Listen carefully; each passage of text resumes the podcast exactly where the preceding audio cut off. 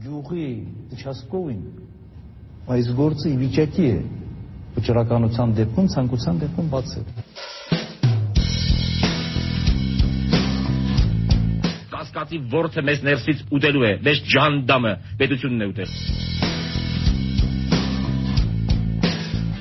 Ձեզ այնքան կծեց են դալաններում, որ դուք կարտագաղթեք։ Ուղիղ 13 տարի առաջ 2009 թվականի աշնանը Հայաստանը եւ Թուրքիան ստորագրելով Ցյուրիխյան արձանագրություններն ընդཐུպ մոտեցան այն սահմանագծին, որից այն կողմ երկկողմ հարաբերությունների կարգավորումն էր։ Մոտեցան, սակայն չանցան այդ սահմանը։ Որպես հետևանք այսօր արտգործնախարարներն Ալբանդյանի եւ Դավութօղլուի կողմից արձանագրությունների ստորագրումից գրեթե 1.5 տասնամյակ անց Երևանի եւ Անկարայի միջև դիվանագիտական հարաբերություններ չկան։ 311 կիլոմետրանոց սահմանն էլ շարունակում է փակ մնալ արդեն գրեթե 30 տարի։ Հայ-թուրքական սահմանն Անկարայի կողմից փակվեց 1993-ի ապրիլին Քելբաջարի գրավումից հետո։ Այդ պահից սկսած Թուրքիան Հայաստանի հետ հարաբերությունների կարգավորումը մշտապես շահկապում էր Ղարաբաղյան կարգավորման հետ։ Չնայած դրան 90-ականների կեսերին դիվանագիտական շփումները Երևանի եւ Անկարայի միջև չէին դադարում։ Կողմերը փորձում էին դիվանագիտական հարաբերությունների հաստատման փոխադարձ ընդունելի բանաձև էր գտնել։ 1997-ին, երբ Ղարաբաղյան հակամարտության փուլային լուծումն ավելի քան իրական էր թվում, լուրջ հույսեր արթնացան, որ Ղարաբաղյան խնդրի թեկուզ եւ միջանկյալ լուծումը ճանապարհ կհարթի նաեւ Հայաստանի եւ Թուրքիայի հարաբերությունների կարգավորման համար։ 1998 թվականի փետրվարյան հեղաշրջումը սակայն փոխեց ամեն ինչ։ Как известно, геноцид армян 1915 года в Османской империи не нашел в свое время должного осуждения со стороны мирового сообщества, что поощрило некоторые режимы на новые преступления. Ռոբերտ Քոչարյանի այս ելույթը ՄԱԿ-ի գլխավոր ասամբլեայի ամբիոնից հնչեց նրա իշխանության գալուց մոտ կես տարի անց 1998-ի սեպտեմբերին։ Երրորդ հանրապետության պատմության մեջ առաջին անգամ երկրի ղեկավարը միջազգային ամբիոնն օգտագործում էր հայոց ցեղասպանության մասին խոսելու համար։ Վերջին անգամ նման բան 1992-ի աշնանն արել էր Ռաֆի Հովանիսյանը, գրեթե ակնթարթորեն զրկվելով արտգործնախարարի պաշտոնից։ 98 թվականին սակայն իրավիճակն այլ էր։ Հայդատի եւ պահանջ Անջատիրության գլխավոր գաղափարակիրը դաշնակցությունն այլևս իշխանության մաս էր կազմում, իսկ ցեղասպանության միջազգային ճանաչումը հռչակվել էր որպես Հայաստանի արտաքին քաղաքականության առաջնահերթություններից մեկը։ ՄԱԿ-ում հնչած այս ելույթից գրեթե 10 տարի անց միայն 2007-ի դեկտեմբերին քաղաքականություն վերադարձած առաջին նախագահ Լևոն Տեր-Պետրոսյանը մանրամասնորեն կպատմի, թե ինչ շարժառիթներով էր առաջնորդվում Ռոբերտ Քոչարյանը ցեղասպանության հարցը հայ-թուրքական հարաբերությունների օրակարգ բերելով տալով։ 1997 թվականին, երբ ես վարչապետ Քոչարյանին առաջարկեցի գլխավորել Հայաստան Սփյուռք հարաբերությունների համակարգման պետական խորհուրդը, նա հրաժարվեց պատճառ բռնելով այն հանգամանքը, որ խորհրդի գործունեության ծրագրում բացակայում է ցեղասպանության ճանաչման վերաբերյալ կետը։ Երբ ես խնդրեցի հիմնավորել իր տեսակետը, Քոչարյանն ասաց բառացիորեն հետևյալը. Ես չգիտեմ, թե ինչ բան է ցեղասպանությունը։ Բայց, բայց ասած, բայց գիտեմ, որ դա պետք է սփյուռքին։ Եթե մենք մտցնենք այդ կետը, ապա սփյուռքը կողքավորվի եւ ավելի մեծ նյութական օժանդակություն կցուցաբերի Հայաստանին։ Ավելին, եթե Հայաստանը պաշտոնապես ներկայացնի ցեղասպանության ճանաչման պահանջը, ապա Թուրքիան տեղի կտա եւ մեկ տարուց կբացի հայ-թուրքական սահմանը։ Բացի այդ, նա ավելի անկողմնակալ դիշտ կգրավի Ղարաբաղյան հակամարտության կարգավորման գործընթացում եւ այլևս ջանասիրաբար չի պաշտպանի Ադրբեջանի դիրքորոշումը։ Հայաստանի կողմից նոր արտաքին քաղաքական կուրս ворթեգրելուց ոչ միայն 1, այլև 2, 3, 4 տարի անց սակայն Թուրքիայի դիրքորոշումը չէր փոխվում։ Հայաստանի հետ սահմանը փակ էր, Երևանի ներկայացվող Անկարայի գլխավոր պահանջներից մեկն էլ շարունակում էր մնալ հայկական զորքերի դուրսբերումը գրավյալ տարածքներից։ Երևանի ворթեգրած նոր քաղաքականության միակ քիչ թե շատ առարկայական դրսևորումը դարձավ մի շարք պետությունների խորհրդարանների կողմից հայոց ցեղասպանության ասպանությունը ճանաչող բանաձևերի ընդունումը 1998-ի գարնանը նման որոշումներ կայացրեցին Ֆրանսիայի ազգային ժողովն ու Բելգիայի սենատը, նաև Եվրոպայի խորհրդի խորհրդարանական վեաժողովը։ 2000-ին դրանց միացան Լիբանանի խորհրդարանը, Իտալիայի պարլամենտի ստորին պալատը այդ տարվա աշնանը ցեղասպանությունը ճանաչեց նաև Ֆրանսիայի սենատը։ Պաշտոնական Երևանը սակայն անհամբերությամբ սպասում էր, թե ինչ քայլեր են ձեռնարկվելու օվկիանոսից այն կողմ Միացյալ Նահանգներում։ 2000 թվականի սեպտեմբերին անսալով ամերիկահայ կազմակերպությունների կոչերին Կալիֆոռնիայից ընտրված կոնգրեսական Ջորջ Ռադանովիչը շրջանառության մեջ դրեց թիվ 596 բանաձևը, որով Օսմանյան կայսրությունում 1915 թվականին տեղի ունեցած իրադարձությունները ցեղասպանություն էին որակվում։ Միացյալ Նահանգների նախագահին էլ խորհուրդ էր տրվում այսուհետ ապրիլ 24-յան ուղերձներում կիրառել հենց այդ եզրույթը։ 2000 թվականի հոկտեմբերի 4-ին ներկայացուցիչների տան արտաքին հարաբերությունների հանձնաժողովը ձայների մեծամասնությամբ կողմ քվեարկեց ցեղասպանության բանաձևի ընդգրկմանը լիագումար նիստերի օրակարգում, իսկ ամերիկահայ լոբիստները արագորեն հաշվարկեցին, որ կոնգրեսականների կեսից ավելին հաստատ կողմ է քվեարկելու Ռադանովիչի ներկայացրած փաստաթղթին։ Ներկայացուցիչների տան անդամները թիվ 596 բանաձևը պատրաստվում էին քննարկել եւ քվեարկության դնել հոկտեմբերի 20-ին։ Վերջին պահին, սակայն, իրադարձությունները սկսեցին զարգանալ միանգամայն անսպասելի եւ ամերիկահայ կազմակերպությունների ու հայամետ կոնգրեսականների համար ոչ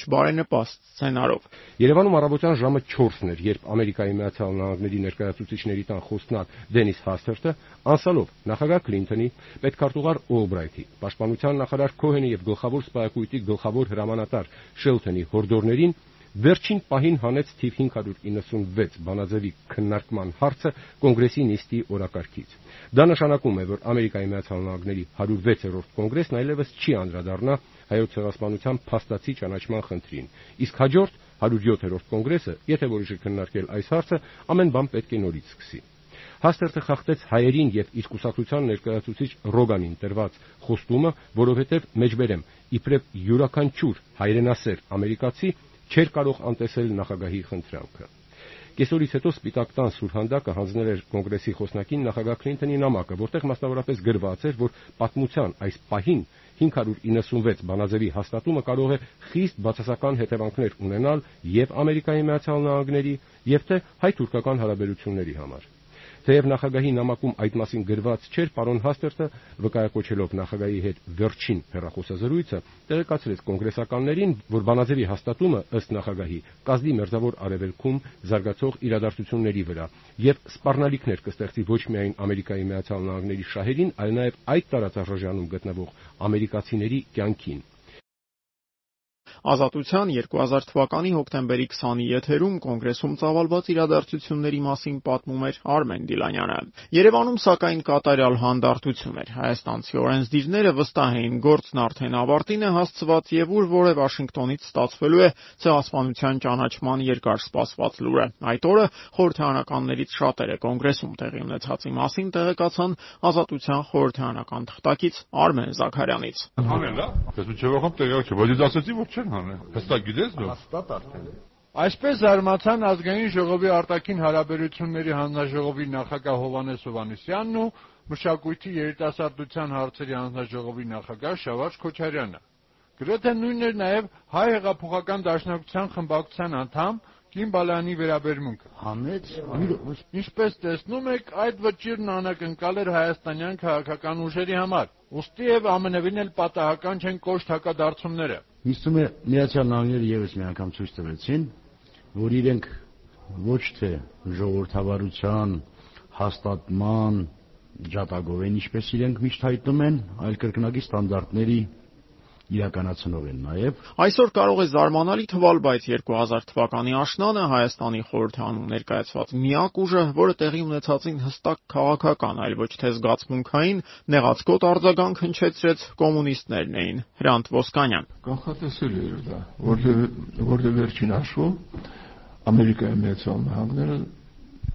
բոլոր հարցերը լուծում է ելնելով իր պետության շահերից։ Իսկ կոնկրետ դեպքում երբ որ նա նժարի վրա է դնում, գտնում որ Թուրքիայի հարաբերությունների հետ վատացումը ավելի շատ վնասաբերելու, քան թե այս հարցը որ պատմությունը ինքն է ծնել, որ պետք է լուծվի, այս հարցը դրա համար հետազոտում է։ Քոչարյանի վարչակազմի համար ամերիկյան կոնգրեսում տեղի ունեցածը ծանր հարված էր։ Թիվ 596 բանաձևի տապալումը գալիս էր ապացուցելու, որ հայաստանյան իշխանությունների վստահությունը, թե ցեղասպանության հարցն օգտագործելով հնարավոր է ճնշում գործադրել Թուրքիայի նկատմամբ, բացարձակապես անհիմն է։ Իրականում ապացուցվեց հակառակը։ Թուրքիան ոչ միայն չընկրկեց ճնշումների արժև, այլ հակառակը։ Ինքն ի վիճակի եղավ դիվանագիտական այնպիսի մի արշավ ձեռնարկել, որի հետևանքով ստիպված էին նահանջել աշխարհի միակ գերտերության՝ Միացյալ Նահանգների իշխանությունները։ Ցեղասպանության բանաձևի տապալումը հայաստանյան իշխանությունների համար նաև ծանր ներքաղաքական հետևանքներ ուներ։ Քոչարյանի թիմն ըստ ամենայնի հույս ուներ, որ կոնգրեսի կողմից հայոց ցեղասպանության ճանաչումը հնարավոր կլինի որպես դիվանագիտական մեծ հաղթանակ ներկայացնել, օգտագործելով դա նաև Հայաստանի ներսում քարոզչական դիվիդենտներ շահելու համար։ Բաղրամյան 26-ում Վաշինգտոնյան տապալումը շատ ծանր էին տանում, չփորձելով անգամ թաքցնել հիասթափությունն ամերիկյան իշխանություններից եւ անձամբ նախագահ Քլինթոնից։ Այս մասին Ռոբերտ Քոչարյանը բաց տեքստով կխոսի ցեղասպանության բանաձևի տապալումից մի քանի շաբաթ անց Երևանում ընդունելով Միացյալ Նահանգների ամենաազդեցիկ դիվանագետներից մեկին, պետքարտուղարի օգնական Սթիվեն Սեստանովիչին եւ նրա գլխավորած պատվիրակության անդամներին։ Քոչարյանը վատ տրամադրություն ուներ, նա կոշտ արտահայտություններով խոսեց Քլինթոնի դավաճանության մասին։ Քոչարյանն այնքան նյարդայնացած էր, որ հանդիպման մասնակիցները մտածել էին, թե նրան դեռ անհանգստացնում են բերանի խոռոչում արված վիրահատության հետևանքները։ Հայաստանի նախագահը նոր էր վերադարձել Փարիզից, ուր այցելել էր իր ատամնաբույժին։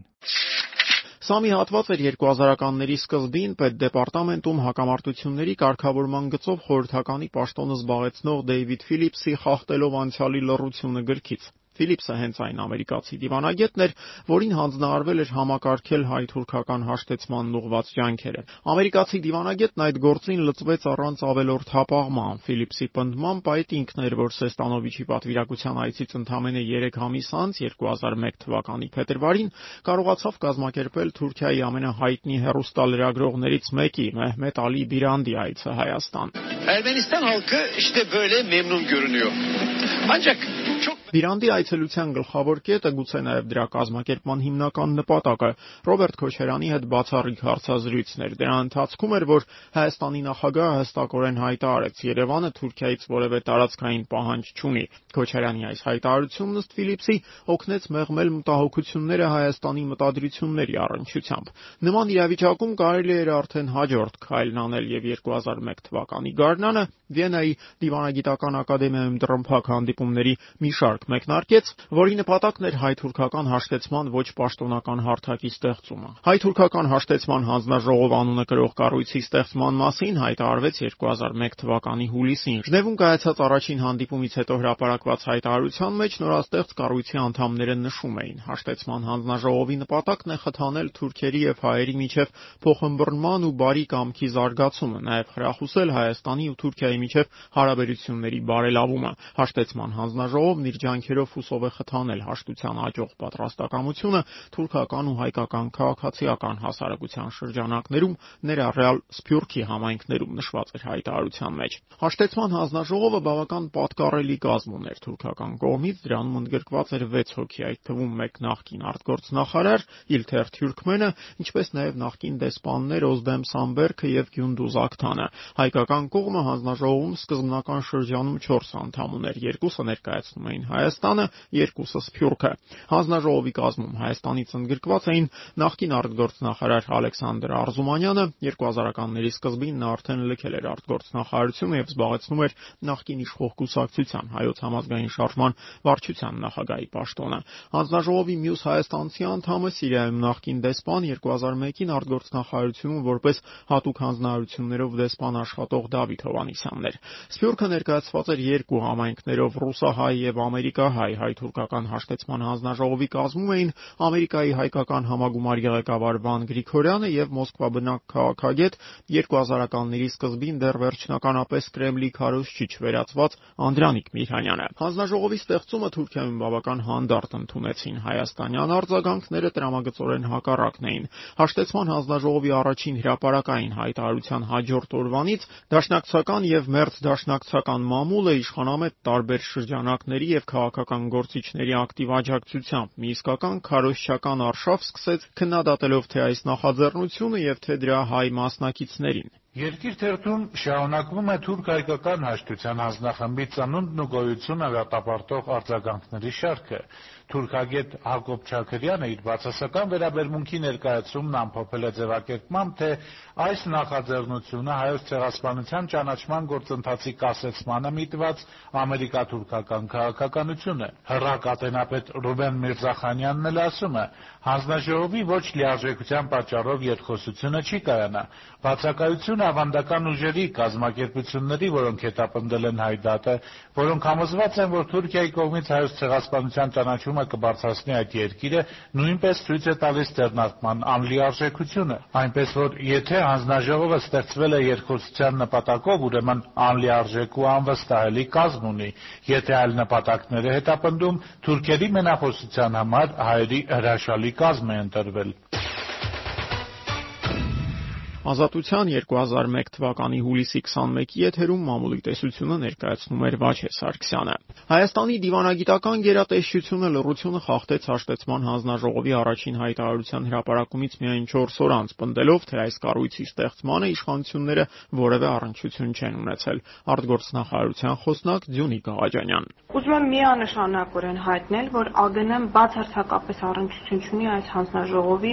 ստեղծման հետ։ Հանձնաժողովի հայ անդամ անդամները սակայն հակառակն էին պնդում։ Ալեքսանդր Արզումանյանը հանձնաժողովի ստեղծումից հետո տված առաջին հարցազրույցում ռետորական հարց էր տալիս, եթե Հայաստանի արտգործնախարարությունը տեղյակ չի եղել այս կառույցի ստեղծման մասին, այդ դեպքում ինչպես է գերատեսչության գործող աշխատակիցը դեսպան Դավիթ Հովանիսյանը հայտնվել դրա կազմում։ Նախկին արտգործնախարար Ալեքսանդր Արզումանյանը առավոտի թղթակցի հետ զրույցում պնդում է, որ եւ Ռոբերտ Քոչարյանը եւ Վարդան Օսկանյանը տեղյակ են եղել հայ-թուրքական հաշտեցման հանձնախմբի ձևավորման կառավարման մասին, եւ երկուսն էլ համաձայնություն են տվել արտգործնախարարության աշխատակիցն էլ ներկա լինի հանդիպումներին, որպեսզի հնարավորություն ունենան հետեւել աշխատանքներին։ Ըստ պարոն Արզումանյանի, հանձնախմբի ձևավորման հարցերն ամիսներ շարունակ քննարկվել են Ռոբերտ Քոչարյանի ու Վարդան Օսկանյանի հետ եւ իրեն առաջարկվել է մաս կազմել այդ հանձնախմբին արդեն այդ բոլոր համաձայնություններից հետո։ Հավանաբար ստեղծված հիստերիկ մթնոլորտը ներքաղաքական իրավիճակն էին պատճառը, որ թե Քոչարյանը, թե Օսկանյանը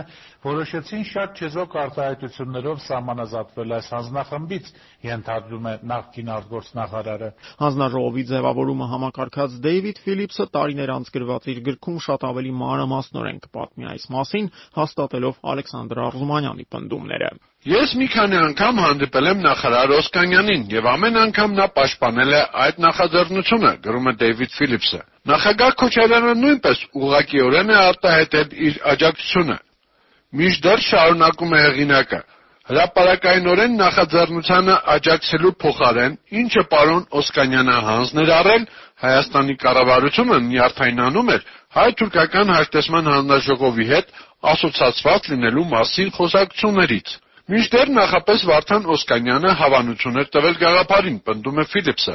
Սակայն Ժնևում տեղի ունեցած հանդիպումից հետո, երբ հաշտեցման հանձնաժողովի հայ անդամ Դավիթ Հովանեսյանը Հայաստանի արտգործնախարարին հերախոսով տեղեկացնում է, որ ստեղծվել է այդպիսի կառույց, Վարդան Օսկանյանը, ըստ Դեյվիդ Ֆիլիպսի, մեջբերում է. հրանգեց Դավիթ Հովանեսյանին ասել, որ հեռացել է արտգործնախարարությունից եւ զուտ մասնավոր նախաձեռնությամբ է մասնակցում հայ-թուրքական հանձնաժողովի ստեղծմանը, երբ Դավիթը վերադարձավ, ակնհայտորեն ցնցված էր։ Պարոն Հովանեսյանի մասին գրում է Դեյվիդ Ֆիլիպսը։ Համապատասխանում է ասվածը իրականությանը։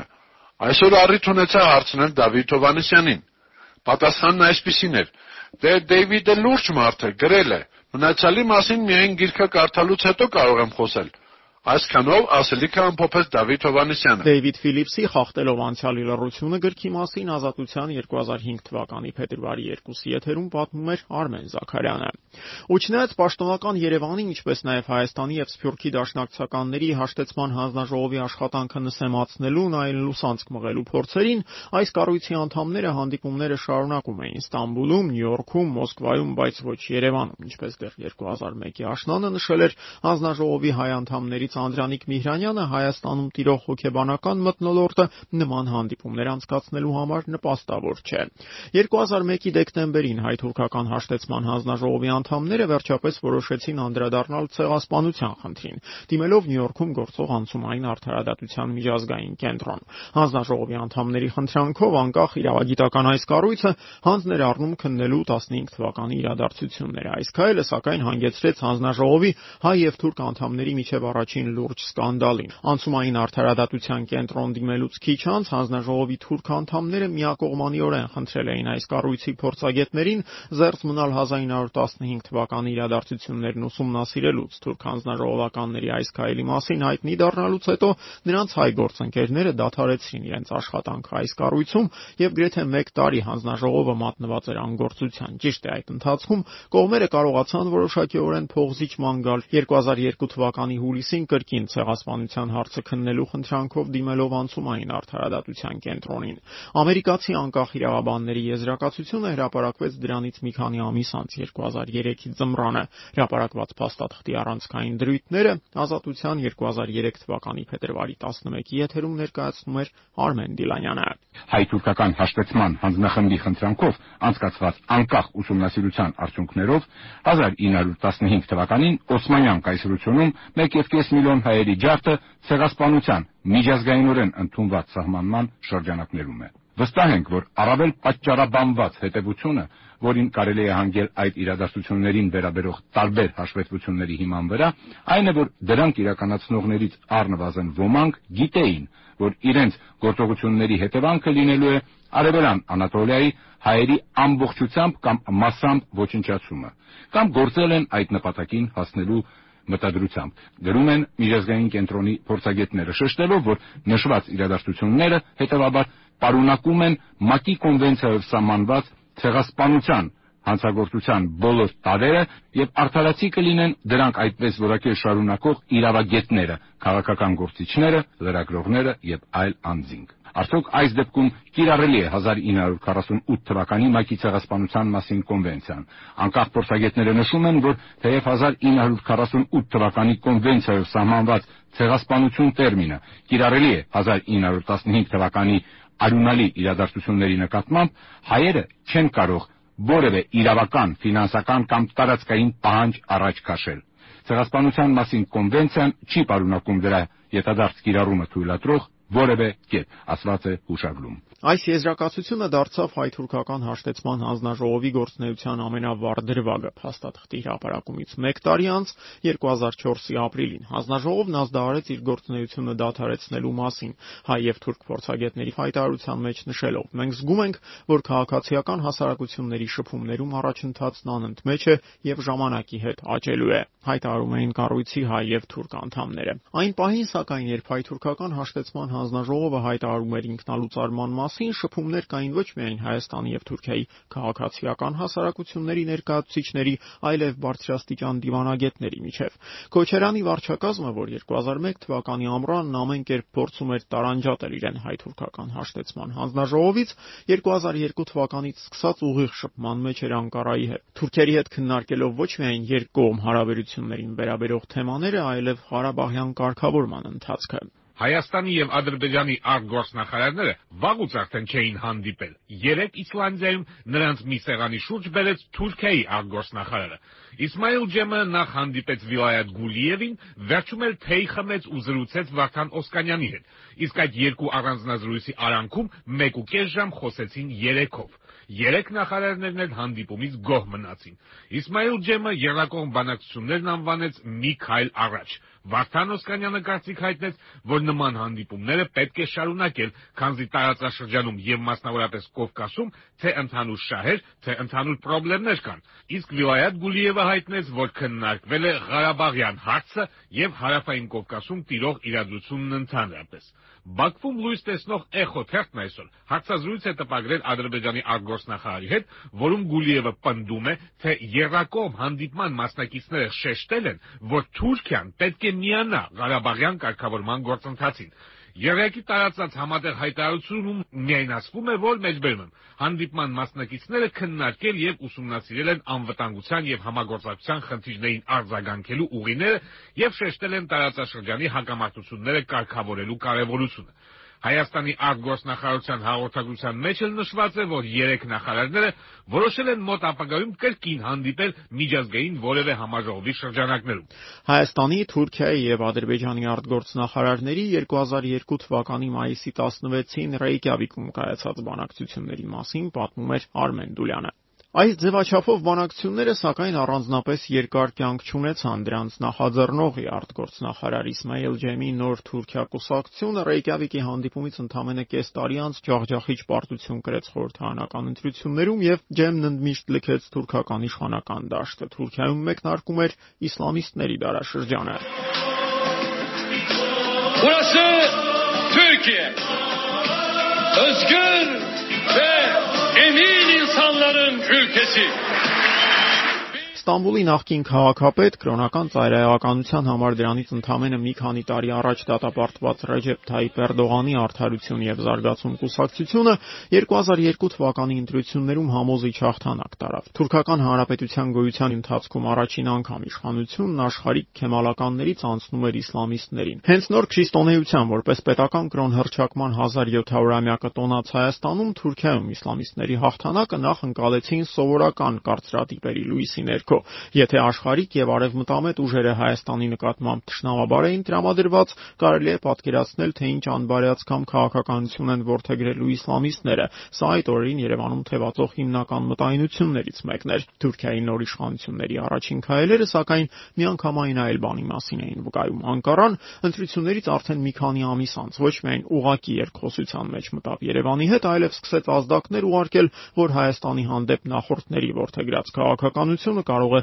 փոփոխության ենթարկվել։ Հայաստանի եւ Թուրքիայի արտգործնախարարներ Վարդան Օսկանյանի եւ Աբդուլլա Գյուլի առաջին հանդիպումը կայացավ 2003 թվականի հունիսին Մադրիդում ՆԱՏՕ-ի գագաթաժողովի շրջանակներում։ Ահա թե ինչպես էր տարիներ անց իր հուշերում այս հանդիպումը նկարագրում Վարդան Օսկանյանը։ Գյուլն ինձ վրա դրական տպավորություն թողեց, ակնհայտ էր, որ նա բարեհամբույր անձնավորություն է, համեստ իր ոճով և մոտեցումներով։ Իսկ բովանդակության առումով նա ինձ դրական իմաստով ապշեցրեց։ Այդ օրը Գյուլն իրոք թելադրեց հանդիպման օրակարգը, նշելով, որ Թուրքիան ցանկանում է բնականոն հարաբերություններ հաստատել բոլոր հարևանների հետ։ Նա ասաց, որ հայ-թուրքական հարաբերությունները պետք չէ կապել Ադրբեջանի հետ, և հայերն ու թուրքերը միասին լուծելով երկկողմ խնդիրները, դրանով կարող են դրական ազդեցություն ունենալ Ղարաբաղյան խնդրի լուծման վրա։ 2003 թվականին Օսկանյանն ու Գյուլը կհանդիպեն եւս երկու անգամ՝ աշնանը Նյու Յորքում եւ դեկտեմբերին Բրյուսելում։ Հայ-թուրքական հարաբերություններին թերևս ամենակաջածանոթ ամերիկացի դիվանագետի Դեյվիդ Ֆիլիպսի պնդմամբ 2003 թվականին Թուրքիան շատ մոտ էր Հայաստանի հետ սահմանի բացմանը։ Հարցը ոչ թե սահմանը բացելուն էր վերաբերում, այլ թե երբ է այն բացվելու իր գրքում պնդում է Ֆիլիպսը։ Հարկ է հատուկ ընդգծել, որ 2003 թվականին Թուրքիայի հետ երկխոսությանը նպաստող կարևորագույն գործոններից մեկը Անկարայի վրա Ադրբեջանի ճնշման կտրուկ թուլացումն էր։ Ադրբեջանի նախագահ Հեյդար Ալիևը մահամերձ էր եւ դրա հետևանքով ներքաղաքական եւ ներիշխանական լարվածությունը երկրում գնալով աճում էր։ Բացի այդ, պետք չէր մոռանալ, որ 2003-ի աշնանը Ադրբեջանում նախագահական ընտրություններ էին նշանակված։ 80-ամյա Ալիևի առողջական վիճակը վատթարացավ ապրիլի 21-ին Բաքվի ռազմական ուսումնարանում ելույթի ժամանակ Ալիևը ուղիղ եթերում երկու անգամ ուշաթափվեց Ադրբեջանի նախագահին անմիջապես տեղափոխեցին նախ Անկարայի ռազմական հոսպիտալ, ապա ամերիկյան Cleveland, այն նույն հիվանդանոցը, որտեղ նա վիրահատվել էր դրանից 5 տարի առաջ։ Այդ օրվանից ի վեր Ալիևին որևէ մեկը հարազատներից բացի իհարկե չէր տեսել։ Ամռանը սկսեցին համառ լուրեր շրջանառվել, թե Ալիևի ապակինման հավանականությունը մոտ է 0-ի եւ նրա օրգանիզմի կենսագործունեությունն ապահովվում է բացառապես սարքավորումների միջոցով։ Ալիևի որդին Իլհամը, որը եւս որպես պահեստային տարբերակ առաջադրվել էր հոկտեմբերին կայանալիք ընտրություններում, մինչև վերջին պահը հերքում էր հոր ամուժելի հիվանդության, առավել եւս մահամերձ լինելու մասին լուրերը։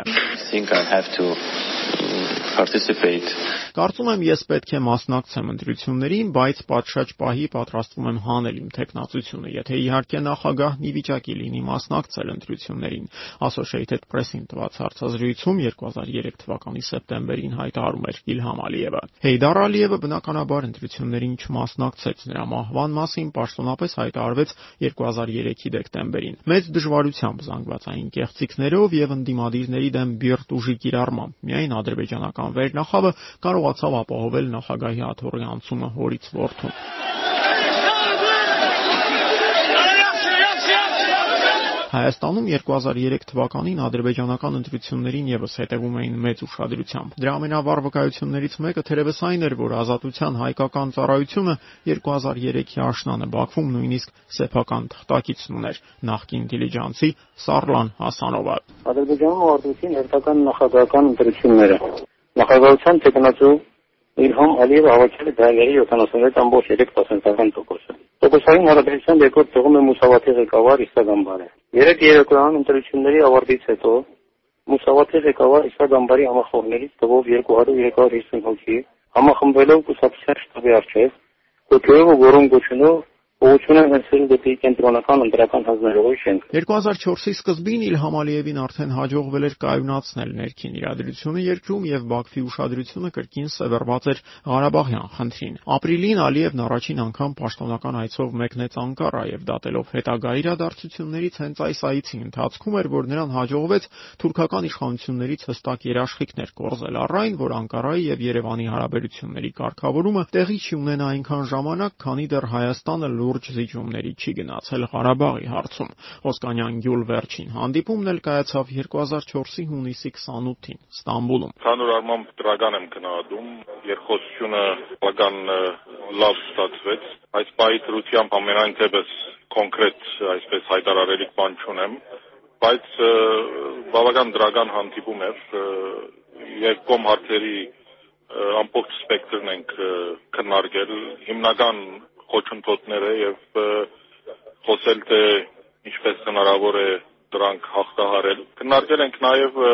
տարածաշրջանային խնդիրներ, Լեռնային Ղարաբաղի հարցի կարգավորման հետ կապված խնդիրներ։ Այս հարցազրույցից 8 տարի անց, սակայն Օսկանյանը կխոստովանի Ստամբուլյան հանդիպման արդյունքներն այնքան էլ դրական չէին։ Բանակցությունների ընթացքում Թուրքիայի արտգործնախարարը Օսկանյանին հայտնել էր, որ Անկարան Հայաստանի հետ հարաբերությունների կարգավորման առումով ոչինչ չի անի այնքան ժամանակ, քանի դեռ Լեռնային Ղարաբաղի հարցում չկա շոշափելի առաջընթաց։ 2003-ին բացված այսպես կոչված հնարավորությունների պատուհանն այլևս փակ էր արժևում 2005 թվականն էր ցեղասպանության 90-րդ տարելիցը։ Հարաբերությունների կարգավորման ուղղված եւ տարիներ շարունակ գործադրված պաշտոնական եւ ոչ պաշտոնական ջանքերը որևէ արդյունքի այդպես էլ չէին հանգեցրել Անկարան եւ Երևանը վերադառնում էին զրոյական կետին։ Հայաստանի իշխանությունները կրկին խոսում էին ցեղասպանության ճանաչման մասին, Անկարան շարունակում էր հակադարձել, թե ոչ մի ցեղասպանություն էլ չի եղել։ Փակուղին կատարյալ էր թվում եւ քչերն էին պատկերացնում, որ հենց 2005-ին